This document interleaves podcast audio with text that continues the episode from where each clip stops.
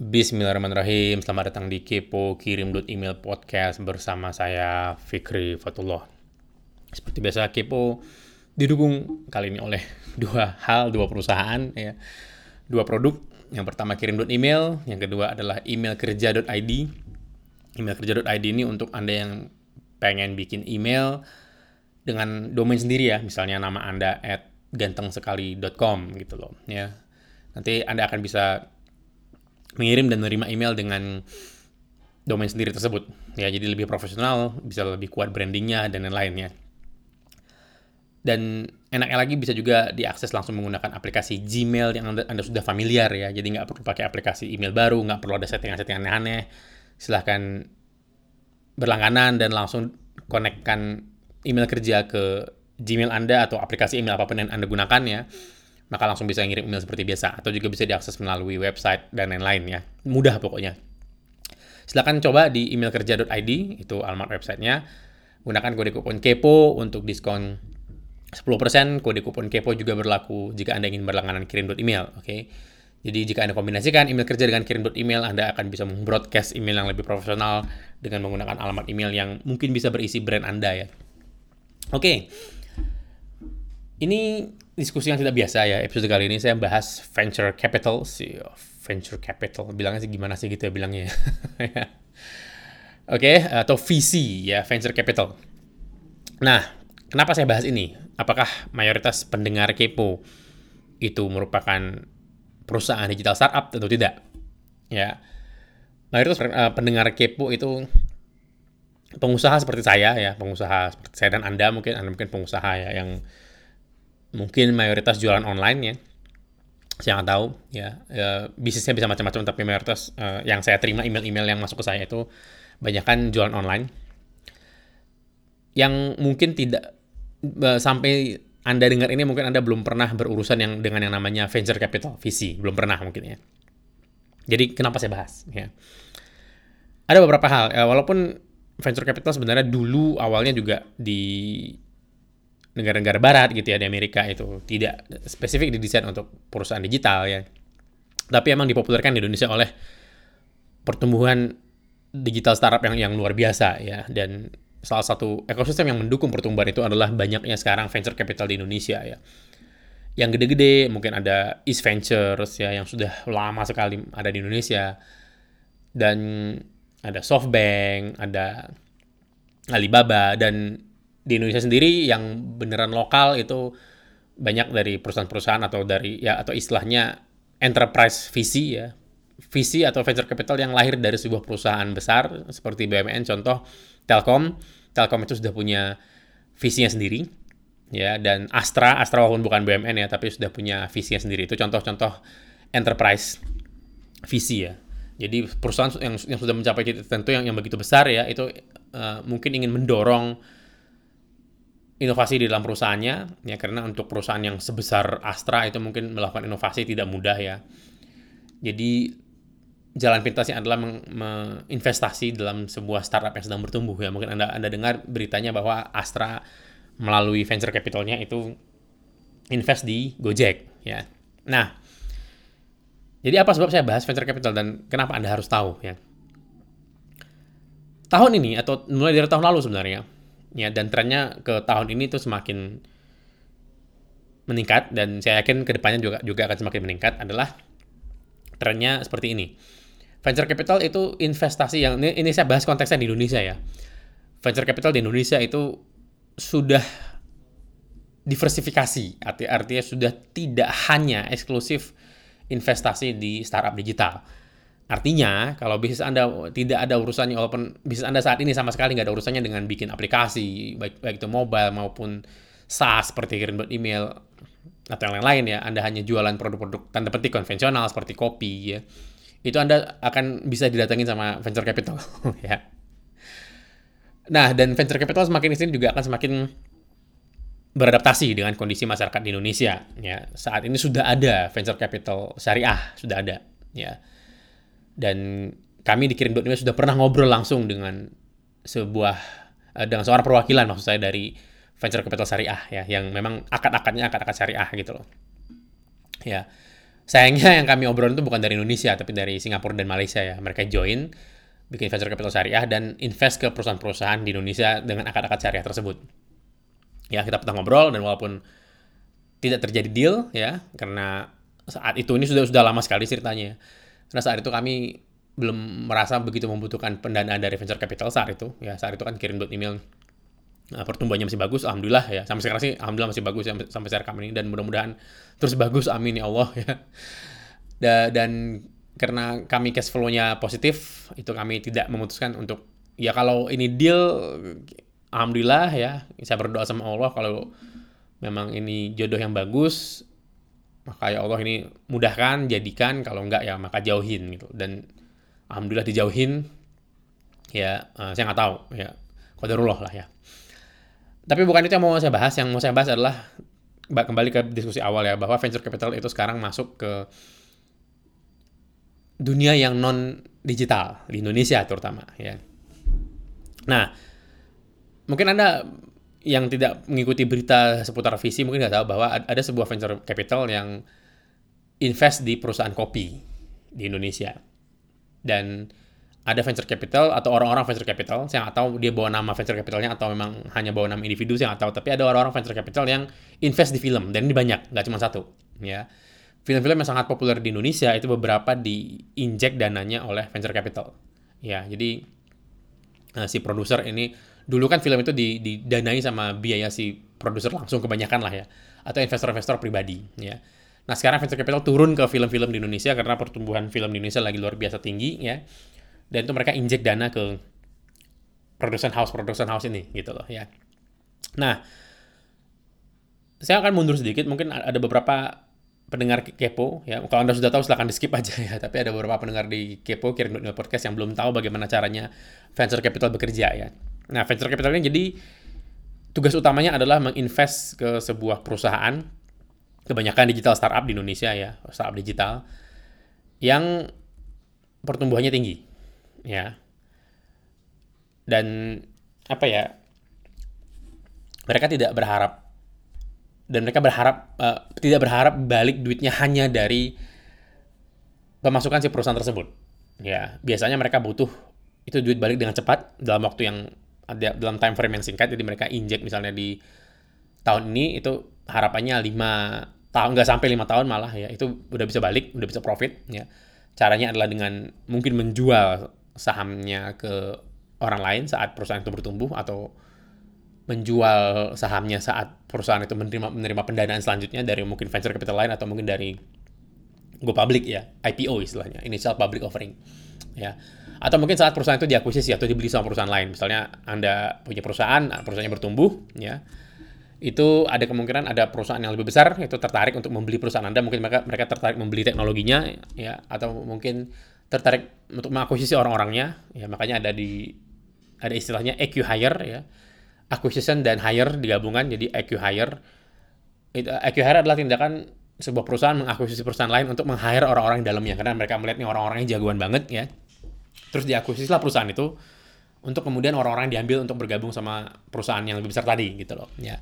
Ini umum dalam dunia digital startup ya. Karena salah satu alasan investor ingin mendanai sebuah perusahaan itu orang-orangnya, siapa foundernya, bagaimana timnya dan lain-lain itu orang-orangnya yang yang lebih utama karena untuk teknologi itu sendiri uh, mungkin sebagian besar orang bisa bisa buat ya, tapi orang-orang dalamnya kombinasi orang-orang dalamnya tepatnya itu belum tentu bisa ketemu, belum tentu bisa jodoh seperti ini gitu ya, seperti contoh misalnya Gojek ya, mungkin ada yang bisa bikin seperti Gojek tapi untuk bisa mendapatkan Nadim itu nggak nggak nggak gampang gitu. Nadim dan timnya Nadim Makarim maksud saya itu nggak gampang. Makanya uh, jika Anda pengen dapat timnya Gojek, Anda harus mengakuisisi Gojek, kira-kira seperti itu ya. Nah, itu cara cara venture capital bekerja ya, cara mereka berusaha model bisnis seperti itu. Ya, mungkin ada plus minus lah lain-lain, ada ada yang khusus ya. Tapi umumnya seperti itu. Nah, biasanya mereka mendapatkan dana atau duitnya itu dari beberapa tempat. Ya, yang pertama tentu saja dari orang-orang yang sangat kaya, ya orang-orang yang miliarder lah ya, konglomerat di Indonesia itu punya duit yang sangat berlebih. Nah, di titik tertentu orang kalau yang punya duit sangat berlebih itu malah butuh mencari apa ya penyaluran dananya nih mau ke mana? Daripada dia mengendap hanya uang cash yang terkena inflasi dan yang lain ya. Dia butuh sesuatu yang bisa memberikan return yang cepat, yang bagus, dan membuat dia lebih kaya lagi gitu loh ya. Atau yang mungkin beberapa orang yang sudah nggak mikirin duit lagi ya, mikirnya ini aku punya duit banyak banget, aku bingung deh, aku kasih kebermanfaatan bagi orang lain deh, nah bisa juga, ya saya nggak tahu. Tapi mayoritas dari orang yang sangat kaya ini dan si venture capital punya koneksi ke orang-orang yang sangat kaya, yang biasanya juga nggak pernah punya waktu untuk dengerin presentasi kita ya sebagai pebisnis gitu. Misalnya Anda bikin proposal, Anda kenal sama orang yang sangat kaya misalnya, Anda pengen bikin Anda pengen minta investasi dari beliau, anda pengen anda, anda anda bikin proposal kemudian anda pengen presentasi ke beliau itu ya good luck lah menemukan waktunya ya. Bisa jadi uh, janjinya sekarang itu baru bisa presentasinya dua bulan tiga bulan lagi. Nah inilah yang dijembatani sama sama venture capital ya. Sedangkan venture capital itu hari harinya meeting setiap hari itu mereka menerima presentasi dari puluhan mungkin perusahaan ya belasan hingga puluhan perusahaan tergantung visinya siapa ya dan mereka menyeleksi setiap bulan itu mereka menyeleksi banyak sekali presentasi slide yang masuk proposal dan lain itu untuk kemudian dijodohkan sama si dana investor ini. Ya, itu modelnya yang yang, yang umum seperti itu. Ya. Nah, itu uh, sumber dana pertama biasa dari orang, sangat kaya, individu individu individu yang sangat kaya dikumpulin duitnya di venture capital ya mungkin orang kaya A itu punya satu miliar dolar, orang kaya B punya satu miliar dolar gitu kan ya. Kalau cuma satu miliar mungkin nggak bisa invest, tapi kalau digabungin 10 orang seperti orang kaya A tadi, maka kita punya 10 miliar dolar yang mungkin kemungkinan mendapatkan return yang lebih baik itu lebih lebih tinggi kira-kira seperti itu. Nah, bisa bisa jadikan 10 orang kaya ini nggak saling kenal ya. Ataupun kalau saling kenal itu nggak ada nggak ada waktu lah untuk ngurusin hal seperti ini ya. Mereka cuma cuma banyak duit aja gitu ya. Mungkin udah nggak nggak ada lagi waktu atau space atau ruang untuk uh, mengelola ya dana mereka. Jadi dan biasanya mereka punya spare 10 persenan itu untuk investasi berisiko tinggi ya. Nah, maka venture capital adalah tempatnya investasi beresiko tinggi ya.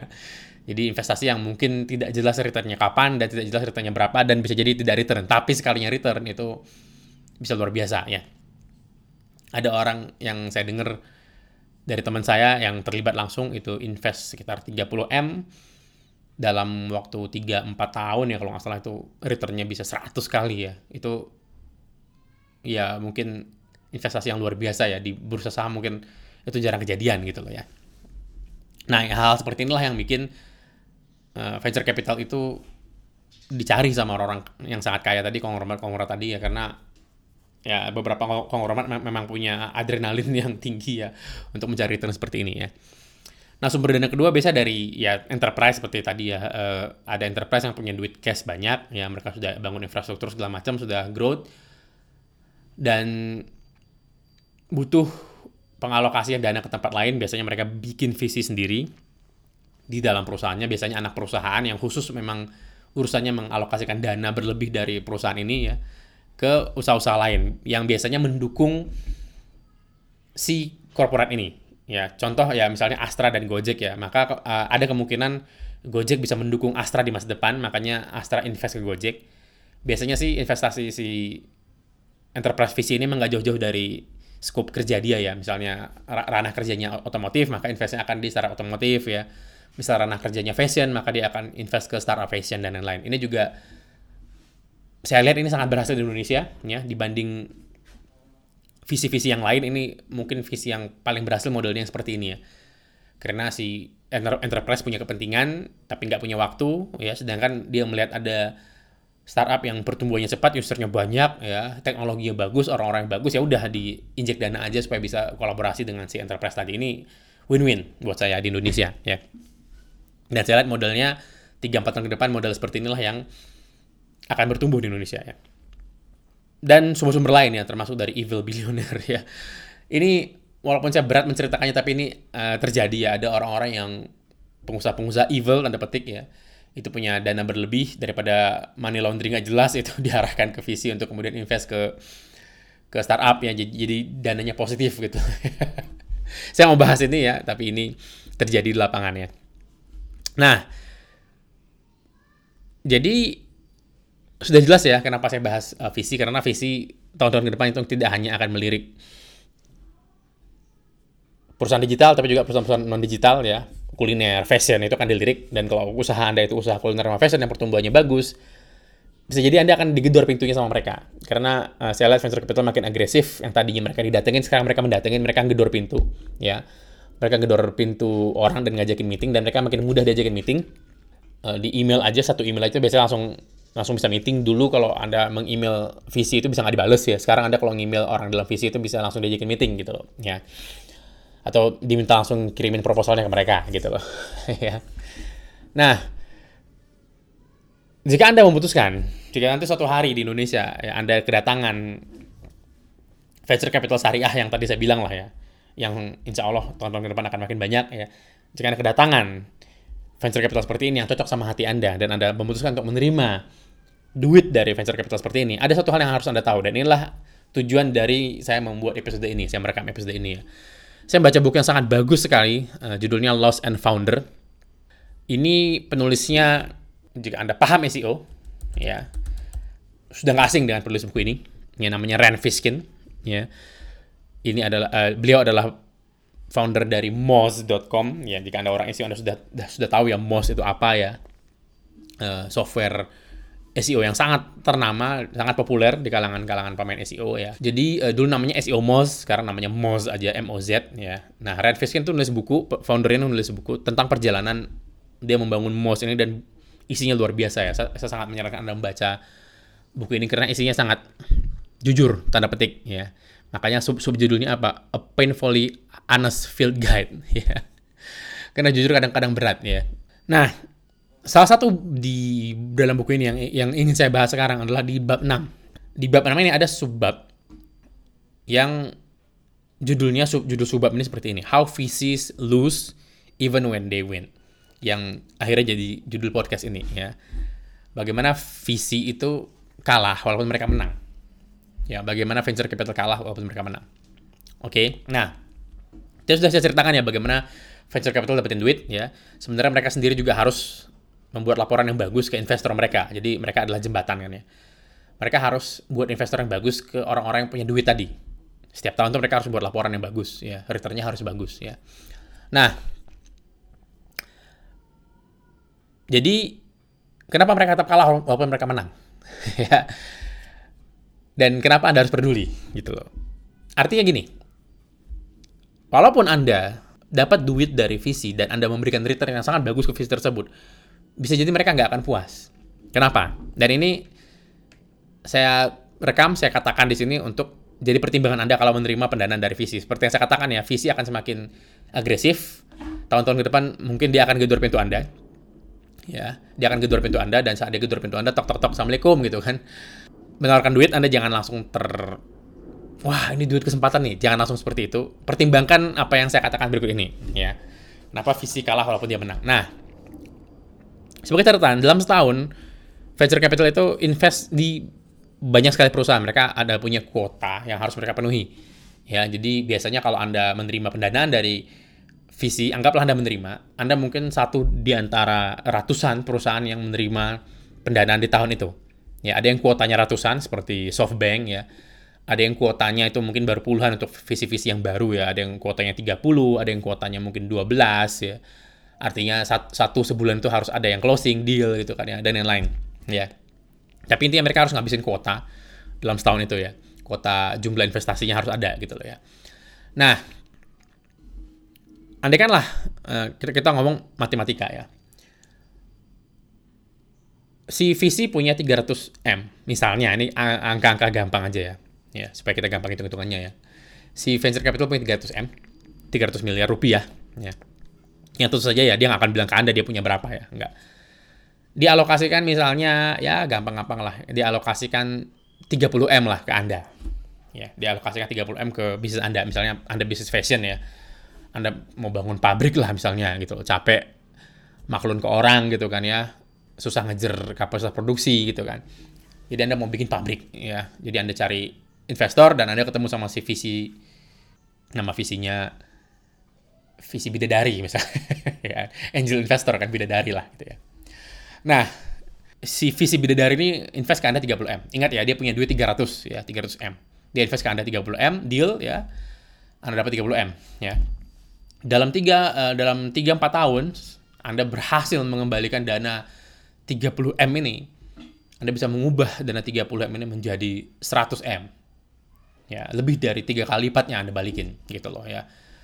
Valuasi perusahaan Anda meningkat pesat luar biasa, pertumbuhan Anda luar biasa. Anda adalah perusahaan fashion yang dengan pertumbuhan tertinggi di Indonesia. Anda masuk majalah Forbes, Anda masuk majalah SOA gitu ya.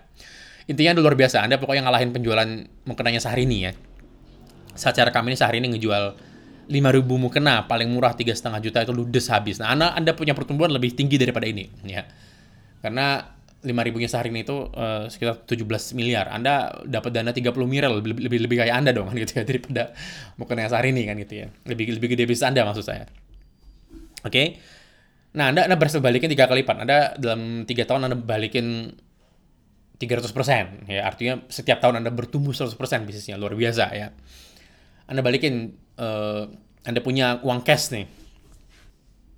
100M. Ya. Di portofolionya visi, ini akan bagus sekali, bener nggak? Dan, dan di mata Anda, Anda bilang sama visinya, eh, dana 30M kamu kemarin, ya, visi bidadari ya, kan? Ini saya bisa balikin 100M ya artinya mungkin valuasi perusahaan juga sudah meroket lah entah, entah berapa lah. Mungkin kita nggak bahas valuasi ya kita bahas duitnya ya duit cashnya ya.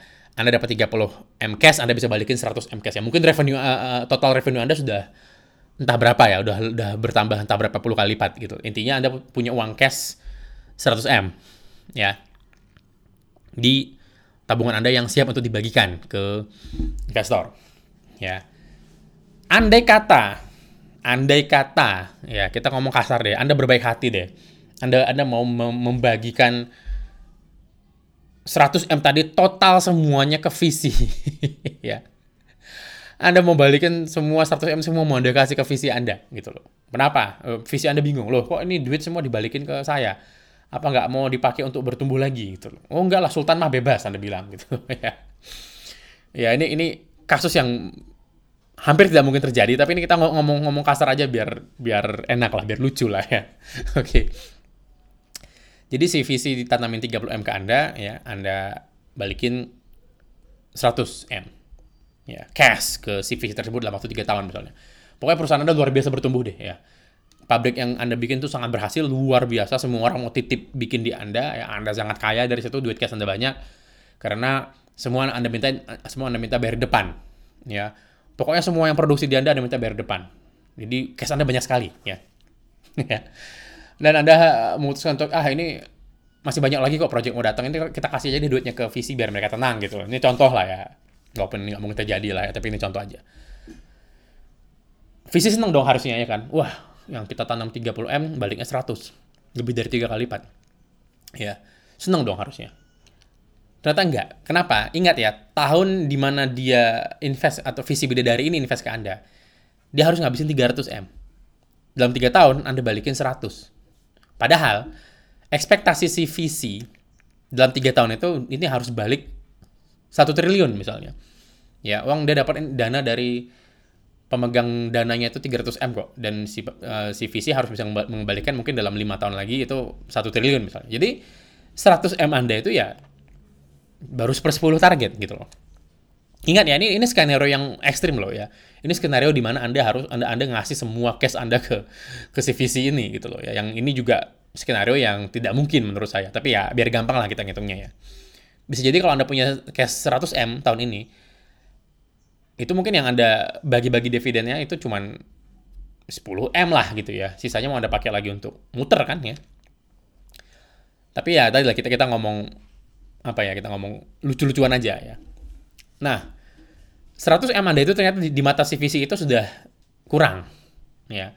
Dia butuh 1 T dan dari 300 M yang sudah dia keluarkan ke misalnya lah ya 300 itu dia, dia bagi 30 30 30 artinya dia tahun tahun uh, bersama dengan uh, dia invest ke Anda di tahun itu dia invest ke 10 uh, 9 perusahaan lain. Jadi total sama perusahaan Anda itu ada 10 perusahaan.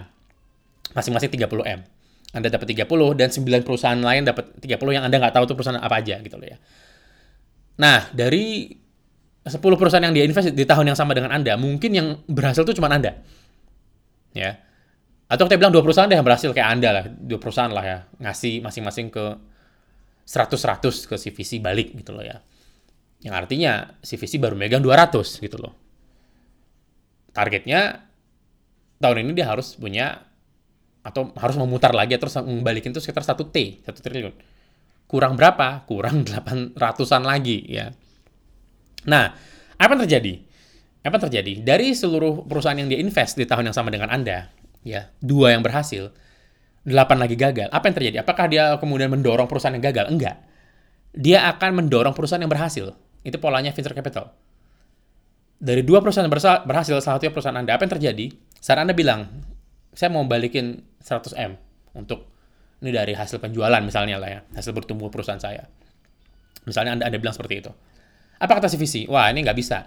Tahun depan ini Anda harus bisa balikin 500M nih. Nah dia mulai ngasih goal-goal yang berat. Yang membuat Anda tidak enjoy lagi untuk menjalankan bisnis Anda. ya Berpotensi untuk tidak enjoy lagi. Ya Mungkin Anda enjoy, tapi ya bisa jadi enggak. Kan ya Kenapa?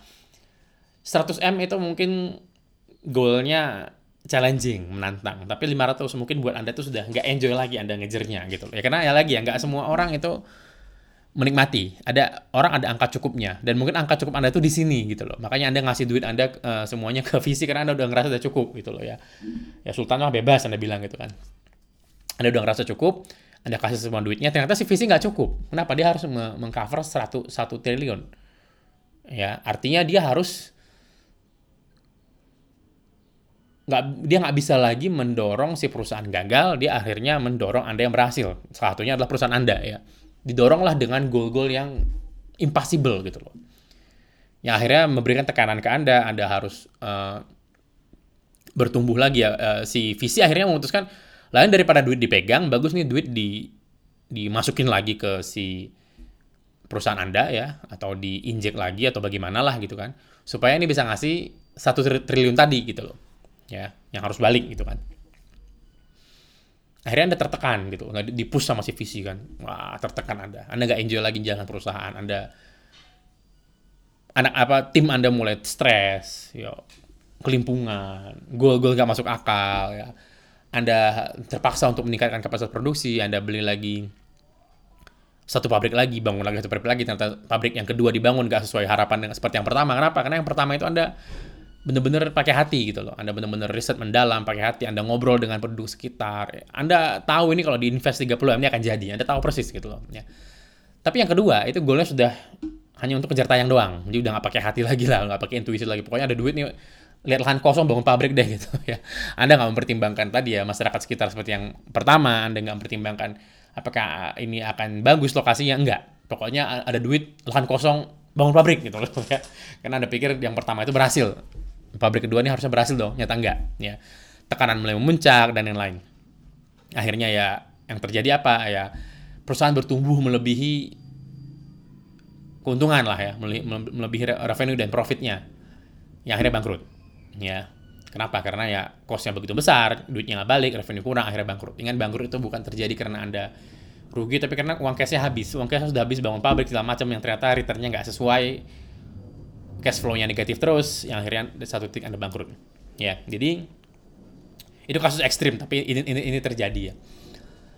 Nah, inilah yang harus saya ceritakan ke Anda ya. Saya ngerasa saya harus mengingatkan Anda kalau nanti venture, venture capital walaupun dia embel-embel syariah ada ada syariahnya di belakang layar, dia tetap akan beroperasi dengan model bisnis yang sama. Jadi harus mengembalikan sejumlah uang tertentu ke si pemegang uang awalnya tadi, ya si orang-orang konglomerat tadi ya yang berharap ya tentu saja ya kalau dia invest sekian dia harus balik sekian dong kan gitu ya.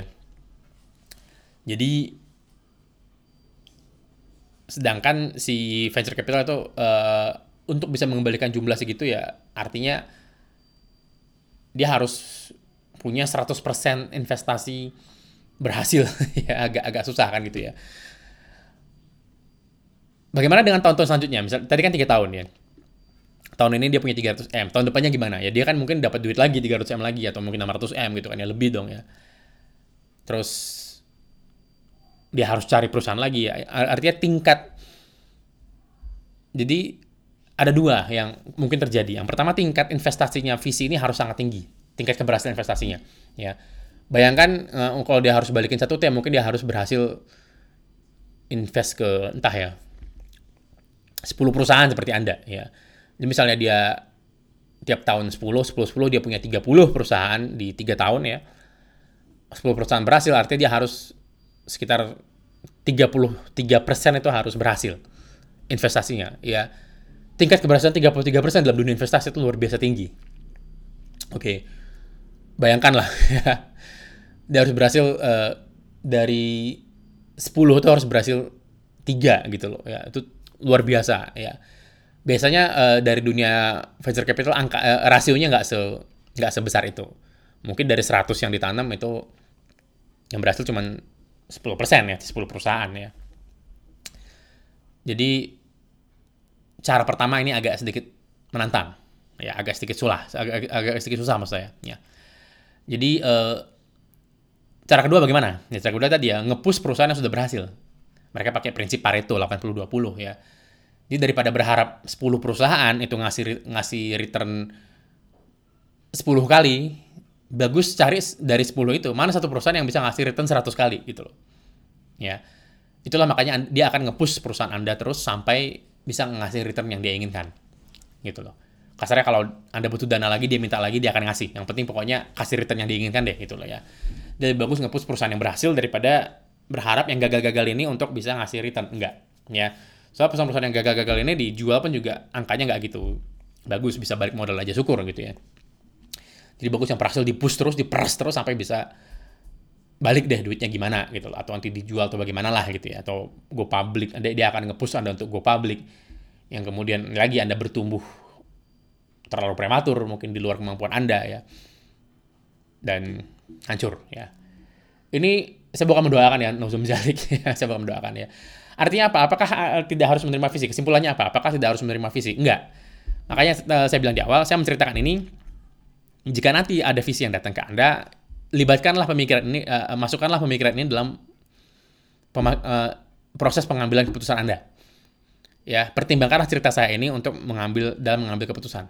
Ya, kenapa? Karena visi itu bisa jadi apalagi yang akad-akadnya benar ya, itu bisa jadi anugerah banget ya tapi ya satu sisi bisa jadi petaka banget ya jadi harus berhati-hati nah banyak perusahaan yang sukses kok via visi banyak. Ya menggunakan venture capital dia sukses banyak sekali. Ya Google lah salah satunya.